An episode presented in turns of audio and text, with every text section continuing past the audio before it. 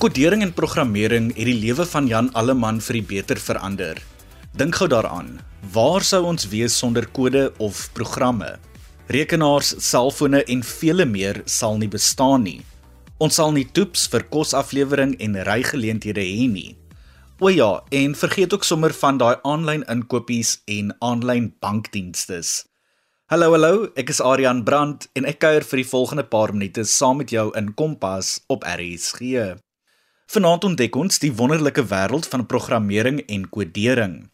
Ons vind uit hoe dit ons lewens oor die laaste paar dekades verander het, die rol wat dit in ons alledaagse lewens asook die toekoms gaan speel en ook die loopbaangeleenthede wat dit vir ons jong mense bied. Indien jy iemand is wat van rekenaars en sagte ware hou of selfs 'n belangstelling in wiskunde en kreatiewe probleemoplossing het, is vanaand se gesprek net vir jou want dit is alles deel van kodering en programmering. Om ons meer hiervan te vertel, is professor John Gryiling, die departementshoof van rekenaarwetenskappe aan die Nelson Mandela Bay Universiteit. Professor Gryiling is ook die nasionale koördineerder van die Tangible Africa projek wat leerders blootstel aan kodering sonder die gebruik van rekenaars. Die projek streef en slaag ook daarin om spesifiek leerders en jong mense van agtergeblewe gemeenskappe aan hierdie velde bloot te stel. Ons vind nou uit wat presies hierdie twee dissiplines is, wat dit behels, hoe jy sonder moeite kan begin leer om te kodeer en programme skryf en vele meer. Professor Gryiling sluit nou by my aan via die telefoonlyn. Professor Gryiling, soos ek genoem het, gesels ons vanaand oor programmering en kodering en vir party van ons luisteraars, veral die ouer gaardes, mag dit dalk na iets volksvreemd klink. In 'n neutedop, wat is programmering en kodering en wat behels dit als? Ja, eers moet ek sê die bietjie kennis wat ek het is kodering en programmering, maar seker dieselfde ding. En ons doen nou baie opleiding met onderwysers om hulle voor te berei vir die regering se nuwe kurrikulum. En die eerste wat ons mense leer is 'n program, basies 'n lys van instruksies wat 'n rekenaar sê wat om te doen. So ons self het vir die ouens as jy 'n rekenaar vat en jy geen nie van programme nie, dan is hy rekenaar uit die IK van 'n klip. Hy kry letterlik 'n lys van instruksies wat vir hom sê wat om te doen en dit is nou wat die kodeerder of die programmeerder moet doen. Nou die tweede ding wat mense moet verstaan is dat rekenaar se alfabet is nulle en ene. So hy kan net 'n 0 en 'n 1 wees as basies klein selletjies wat of aan of af is. So ons kan natuurlik nou nie met hom praat en vir hom instruksies gee in 0 en 1 nie en daarvoor is daar rekenaartale ontwikkel. Mense sal die woorde soos Delphi en Java en C# Python en die ou dae Basic en COBOL onthou. So wanneer ons studente leer om te programmeer of programmeerders te word, leer ons hulle hierdie tale aan. Hulle tik die instruksies in die tale uit en die rekenaar vertaal dit dan, kom ons nou maar sê in 0 en 1 en dan voer hy die instruksies uit as hy die nulle en die ene lees. Dit maak sin ja en as ek nou reg onthou van die bietjie kennis wat ek ook het van kodering en programmering is daai nulle en ene natuurlik binary code soos hulle dit in Engels sal noem. Ja, dis binary code. Ja, jy's slim. Professor, natuurlik is dit belangrike boublokke vir die toekoms wat voorlê en ek dink nou sommer hier aan iets soos die 4de industriële revolusie. Baie mense praat van ons gaan dit nog bereik, maar tans in die wêreld is ons al reeds in die 4de industriële revolusie. Waarom sou jy sê is dit belangrik dat vandag se jong mense al moet begin leer om te kodeer? Wel ek dink die eerste rede hoekom jy moet selfs vir jouself sê ek wil graag kan kodeer is dat dis ek wil amper sê dis die skaarsste vaardigheid in in Suid-Afrika en meeste van die wêreld op die oomblik. So kodeerders of programmeerders het onsaglike keuses as dit kom by werksgeleenthede. Daar is 'n desperate tekort. Ek kan nie 'n ander woord gebruik nie. Mm. Daar's net bloot nie genoeg programmeerders nie. So enige ou wat dit wil daai vaardigheid wil aanleer en dit goed kan doen, gaan nie sukkel om werk te kry nie. Maar as ons nou spesifiek praat van jong mense en, en kinders op skool, is dit vir ons meer belangrik dat kodering nie gebruik word sodat jy nou gaan werk kry eendag nie. Ons beklemtoon dit nogal dat in skoolvlak en veral laerskoolvlak moet kodering 'n instrument word om kinders te leer hoe om probleme op te los, hoe om strategies te dink. En as hulle dan in in 'n goeie situasie die programmeringsvaardighede aangeleer word in groepsverband, kom anders 'n vaardighede in soos groepwerk, kommunikasie Nou jy praat van die vierde industriële revolusie. Nou kodering is nie die enigste vaardigheid wat nodig is in hierdie revolusie nie. 'n uh, Groepwerk en probleemsoplossing en strategie en al hierdie goed is ook net so belangrik. So as ons praat oor kodering op skoolvlak, is dit vir ons amper meer belangrik as die kodering. As die onderwyser of die kurrikulum kodering gebruik om hierdie ander vaardighede vir leerders aan te leer. Absoluut, dis belangrike punte wat professor daar aangeraak het, die probleemoplossing en buite die boks kan dink om oplossings te kry tot probleme en daar het ons sommer al klaar so 'n bietjie geraak aan verskillende voordele met betrekking tot programmering en kodering. Opleiding in kodering en programmering op 'n skoolvlak is iets wat maar nog baie redelik nuut is, soos professor dit ook nou aangeraak het. Wat kan jong mense vandag al doen om hulself toe te rus met die kennis en die vaardighede van kodering en programmering? Wanneer ek hierdie vraag antwoord, is ek altyd baie bewus dat ek met twee groepe leerders praat. Daar's die leerders wat in skole is wat IT aanbied, wat laboratoriums het en rekenaars, onderwysers wat kan programmeer. En, en vir hulle sal ek sê gebruik elke liewe geleentheid wat jy kan gebruik by jou skool om te leer programmeer. As daar coding clubs is na skool, sluit aan. As daar in jou kurrikulum ingewerk is, werk hard om te leer programmeer. Maar vanuit my agtergrond in die, in die Tangible Africa projek besef ons dat 70-80% van ons leerders en dis 70-80% van die kinders wat nou luister, is nie in skole met rekenaarlaboratoriums nie en en ek wil nie hê hulle moet uitgesluit voel nie. Soos ek met hulle praat, sal ek sê doen enigiets moontlik om jou probleemoplossingsvaardighede te verbeter. Doen enigiets moontlik om strategie te verbeter. Vind uit watse aktiwiteite is daar wat jy kan doen om hierdie vaardighede aan te leer. En dan as jy dan nou 'n rekenaar by die huis het en jy het internet toegang en jy, jou skool kan dit nie noodwendig aanbied nie, uh, gaan laai programme af so Scratch en kyk kyk 'n paar YouTube video's en leer jouself programmeer in Scratch. En dan die kursusse wat ek nogal aanbeveel en van my studente doen dit addisioneel is Udemy. Hmm. U D E M A. Hulle het aanlyn kursusse wat baie goedkoop is en bekostigbaar is en 'n kind het nie nodig dat 'n onderwyser of 'n skool 'n laboratorium het nie. As jy 'n rekenaar by die huis het, gaan doen 'n Udemy kursus deur jouself oor programmering.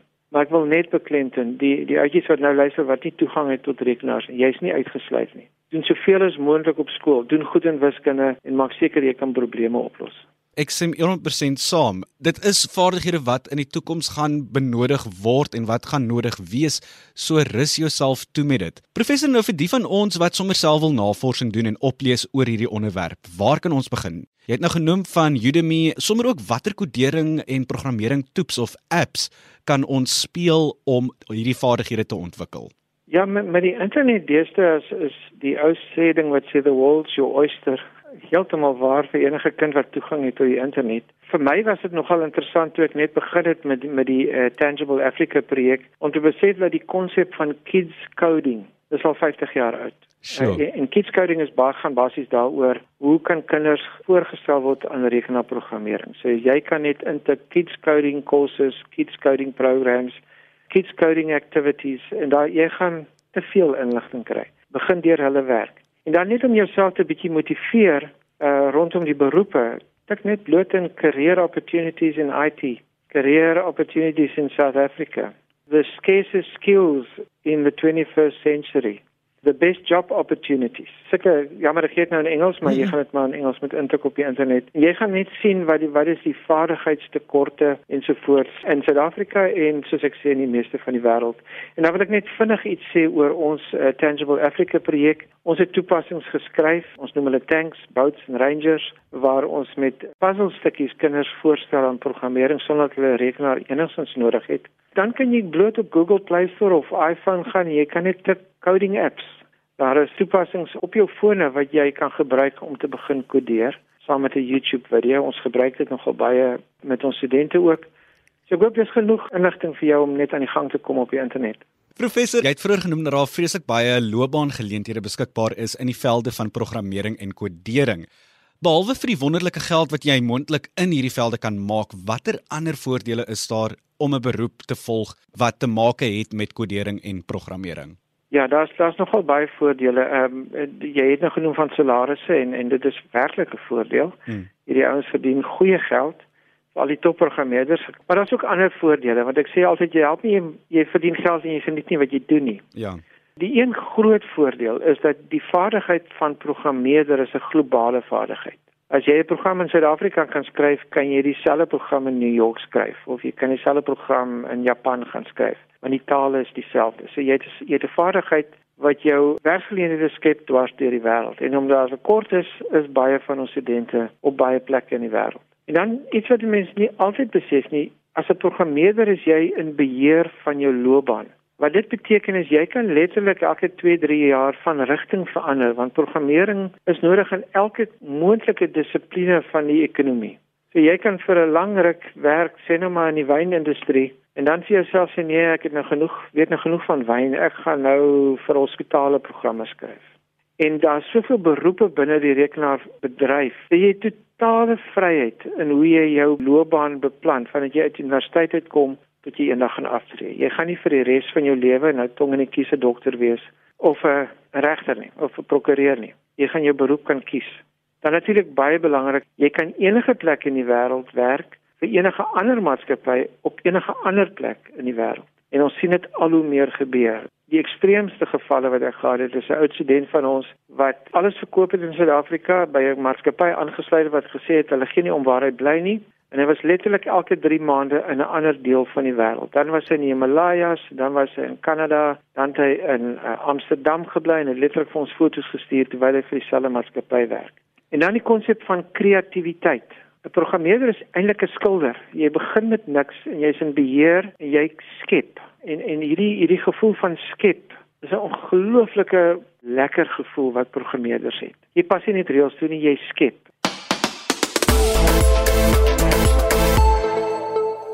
Drank professor John Greiling, die departementshoof van rekenaarwetenskappe aan die Nelson Mandela Bay Universiteit, asook die nasionale koördineerder van die Tangible Africa projek wat leerders blootstel aan kodering sonder die gebruik van rekenaars. Die lewe van 'n kodeerder en programmeerder klink omtrent opwindend. Jy kan die wêreld vol reis terwyl jy programme en kode skryf en boonop is jy ook so te sê van werksgeleenthede gewaarborg want dit is 'n veld wat al ewig aan die groei is en dit vergoed ook uitstekend.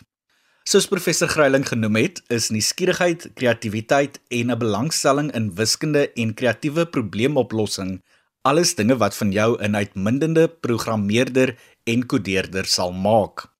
Indien jy belangstel in hierdie velde en nie oor 'n rekenaar beskik nie, word jy nie uitgesluit nie. Jy kan steeds leer oor hoe om te kodeer sonder die gebruik van 'n rekenaar en daar is ook wonderlike selfoontoeps waarvan jy kan gebruik maak. Ons vind nou so 'n bietjie meer uit oor die loopbaangeleenthede wat hierdie velde bied. Nou Cornelius Greiling is die uitvoerende bestuurder van twee maatskappye wat in hierdie sektor funksioneer. Die een is 'n kripto-mikro betalingsoplossingsmaatskappy en die ander is 'n sagteware ontwikkelingsmaatskappy. Cornelius sluit nou by my aan op die telefoonlyn en vertel vir ons meer van die werksgeleenthede en loopbane binne die velde van programmering en kodering, asook die voordele daaraan verbonde. Ek weet dat daar 'n dringende tekort is aan programmeerders en ontwikkelaars in ons land, maar ook reg oor die wêreld. So ek glo dat daar vele werksgeleenthede beskikbaar is in hierdie velde vir ons jong mense. Hoe lyk algemene geleenthede, maar ook werksgeleenthede en loopbane in hierdie veld? Oor die laaste paar jare het ons 'n groot toename gesien in in geleenthede vir ontwikkelaars in Suid-Afrika maar reg oor die wêreld. Suid-Afrika het regtig waar een van die lande geraak waar die ontwikkelende wêreld gaan soek vir programmeerders of ontwikkelaars as gevolg van ons goeie universiteite en ons goeie um, kwaliteit van ontwikkelaars wat ons oplewer, maar ook ons relatiewe goedkoop lewenstyl teenoor groter stede soos San Francisco of New York of Miami. So ons, ons lewer goeie kandidaate op in Suid-Afrika en ook 'n goedkoop leefstyl. So groot maatskappye kan altyd mense aanstel in Suid-Afrika teen baie goedkoper as hulle sou in, in ander lande. In die verlede het hulle baie gekyk na plekke soos Indië of Hongarye of Oos-Europa, maar oor die laaste paar jaar het hulle baie meer begin fokus op Suid-Afrika omdat ons selfde kulturele koneksies het, maar ook ons taal. Ons praat baie goed Engels, ons kan goed kommunikeer. En ook die tydsones is klein bietjie beter vir hulle veral aan die um, ooskus van van Amerika. So so vir al daai redes het basies gelei tot 'n groot toename in, in maatskappye oorsee om mense in Suid-Afrika te soek. So dit is regtig vreeslik opgeneem in Suid-Afrika om 'n ontwikkelaar te wees in Suid-Afrika. En dis natuurlik absoluut 'n goeie rede om 'n loopbaan in hierdie rigting te kies en te oorweeg vir in die toekoms. Cornelis, ek weet dat kodering en programmering baie van ons alledaagse probleme kan oplos en selfs ook die wêreld 'n meer effektiewe plek kan maak. Ek meen ons het nou al baie al gehoor van die skep van apps en so aan en hoe kode al gehelp het om sekere probleme op te los en dit te oorbrug of te oorkom. Kan jy vir ons 'n paar voorbeelde gee van gevalle waar toeps of die skryf en ontwikkeling van kode en programmering die lewe vergemaklik het? Ek dink twee grootste goed wat Suid-Afrikaners al um, gewen het by tips of um, goed is. Nommer 1 is ons bankstelsel. Wanneer laas het dit het jy ingegaan na die bank toe om 'n betaling te maak of om geld van een rekening na 'n ander rekening toe te skuif hmm. of om 'n spaarrekening op te maak? Ek sou sê 90 na 95% van al wat jy wil doen met jou bankrekening kan jy op jou selfoon doen. En dit is nie die ontwikkeling van sagteware maar, maar nie net die sagteware nie, ook die gemaklikheid van mense om sagteware te gebruik vir meer konfidensiële goed. Daar's 'n bekende grappie wat gaan ehm um, jy moet nooit met iemand op die internet jou adres gee nie en jy moet nooit saam met enigiemand as, as jy moet, moet op die straat met 'n kar klim en daar gaan jy op jou selfoon jy sit jou adres in 'n kar kom na jou en jy klim in die kar en hy vat jou lughawe dis Uber. So daai twee goed ek dink dit is alledaagse lewe heeltemal verander. En self nou na Covid het mense begin hulle um, met checkers 'n 6060 toep of Pick n Pay se bottles toep het mense begin um, hulle die nuusware ook online koop Ja. Baie meer as voorheen. Ek kan nie onthou wanneer laat ek die telefoon opgetel het om 'n restaurant te bel om 'n bespreking te maak nie. Ek gaan dit op hulle webwerf op en ek sê die tyd en die datum en hulle sê van 'n plek gaan wees ek sê of ek wil binne of buite sit en dit is gedoen. Ek kom daar aan, hulle weet van my en so stadig maar seker vat sagte waar elke liewe faset van ons lewe oor. Absoluut en ek dink ons kan dit al meer en meer begin sien. Dran Cornelius Gryiling, die uitvoerende bestuurder van twee maatskappye wat in die kodering en programmering sektor funksioneer. Ja nee, kyk, hoe meer jy daaroor dink, hoe meer besef jy dat kode en programme ons lewens net soveel vergemaklik het. Selfs die verkeersligte maak hiervan gebruik. Ek wonder of dit is waarom ons dit robots in Suid-Afrika noem. Ek dink dit is 'n goeie vraag. Ons het voor die breek van die Tangible Africa projek gehoor. Nou, soos ek genoem het, is hierdie projek daarop gemik om jong mense en meer spesifiek jong mense van agtergeblewe gemeenskappe bloot te stel aan kodering en programmering. Professor John Greiling is spesifiek by hierdie projek betrokke en stel hordes jeugdiges bekend aan hierdie velde, al het hulle nie toegang tot rekenaars of rekenaarlaboratoriums nie. 'n Klompie deelnemers van hierdie projek deel nou hoe hulle betrokke geraak het by kodering en programmering en die werk wat hulle vandag doen. I'm Atitol Ndendeni. I grew up in Tanzania, uh, which is in East London, Eastern Cape. Um, I work at Intellect. Uh, I studied computer science and uh, NMMU. Semi Joe Makalima, originally from Epizana, we relocated to Durban. That's where I did my studies. Uh, matriculated in 2007 from Mowat Park High School. From there, went to NMMU, where I did computing, computer science and information systems. I'm currently employed at uh, DSTV Digital Media as a software developer. Hi, my name is Ati Home Mlanjana. I was born and raised in Butterworth in the former Transkei. I'm a business intelligence consultant. My name is Anissa Casper. I'm originally from Port Elizabeth. Um, I studied my undergrad at Rhodes University, then I went over to NMMU to study my honours degree. I did in information systems and economics for my undergrad, and then I also did um, business management information systems for my honours degree at NMMU. I currently work for Ovations Group, which is a consulting firm here in Johannesburg, and I'm a business analyst. In my final year, I got recruited by Microsoft to be part of their graduate academy, and from there, I've been in the industry since. My name is Malusi Tagasi. I'm a PE boy born and raised. I come from Blue Bay, um, which is kind of a small village just between Motherwell and outside the city of Port Elizabeth. That's where I grew up for most of my life. I went to Victoria Park High School and went to NMMU for my undergrad and my honours. Currently, I'm a junior business development manager at Dimension Data Group. And yeah, that's me. My name is Bakolile Mapinya. Uh, I come from the Eastern Cape, from a small town called Ellis. Uh, I now work for a company called Dimension Data, and uh, my role at Dimension Data is uh, executive director for service providers.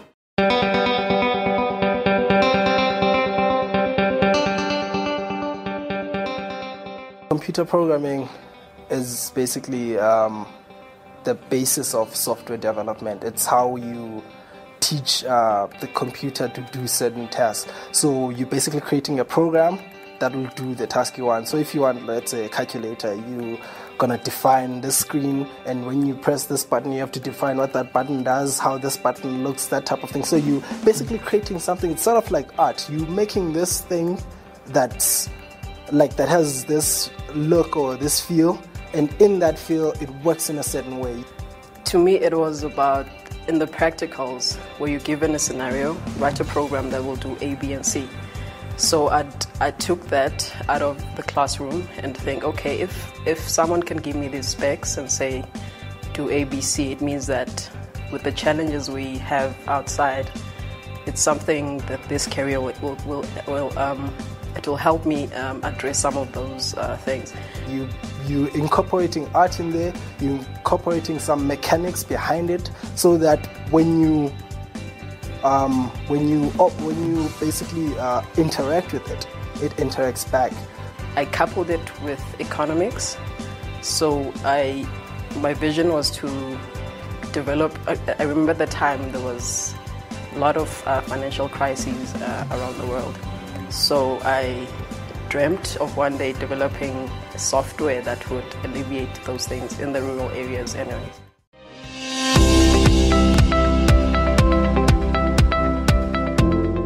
In our discipline, there's up to 300 different careers, and every individual literally plans their own career as they go along, so have that flexibility.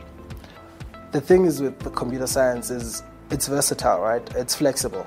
Um, you could program a plane, you could program a computer, you could program a fridge to, to do anything. It is not uncommon for our graduates to have up to seven job offers during their final year. It's definitely something to consider because of the different kinds of jobs that actually are available right now. Because it's not literally just about programming, like I said. You look at mobility, mobile apps, technology, everything you see around you that is technological in nature, especially when it comes to programs, both on the social and, and, and uh, business solutions, all of that our computer science people working hard behind the scenes, creating this innovation that we so love as consumers. When you get into this this uh, stream, I think there's a you think about things differently. So you're given a program, do ABC. You think about it in a different way as you would would to think about it, may, maybe say in a mathematics um, sort of stream, where you have to dissect the problem to its cause and try build a solution knowing all the bricks like from foundation but you can be a business analyst, you can be a data analyst, you can be a, a, UX designer, you can be so many things. So it's not necessarily, I think people would need to sort of myself, I was also in the mindset that was all about programming. But once you actually get out of that and you see what is actually available out there, then you know that it's not just one small specific part that is computing, but it's actually much broader and you can find yourself in one of those uh, streams. But then there are other, let's call them softer issues, which we do not think of. Uh, many of our alumni would tell us this degree gives you the flexibility of planning your own life. It's not like a structured profession where you have a career path pinned out for you. Computer scientists are just they're, they're strange people, right? They're, they're like mathematicians who just got too creative one day and decided, I'm going to try this instead. So getting to work with people like that who challenge you every day, but who'd also like make you think and make you laugh, that was by far the most fun part of actually studying computer science. Kompas, waar jy jou tienertips kry op RSG. Daar aan 'n klompie jong mense en vorige deelnemers van die Tangible Africa projek wat vertel het hoe hulle by kodering betrokke geraak het, die werk wat hulle vandag doen en die geleenthede wat dit vir hulle gebied het. Nou soos dit vir my klink, is kodering en programmering beslis velde wat jy behoort te oorweeg indien jy nie seker is oor wat dit is wat jy eendag as 'n beroep wil doen nie. Die geleenthede is volop, daar is wonderlike voordele daaraan verbonde en boonop vergoed dit ook uitstekend. Nou ja, toe, Die tyd het ons gevang en ek moet groet. Martleen Oosthuizen is môre aand weer aan die stuur van sake en ek kuier weer volgende Woensdag saam met jou. Van my kant tot dan. Mooi loop.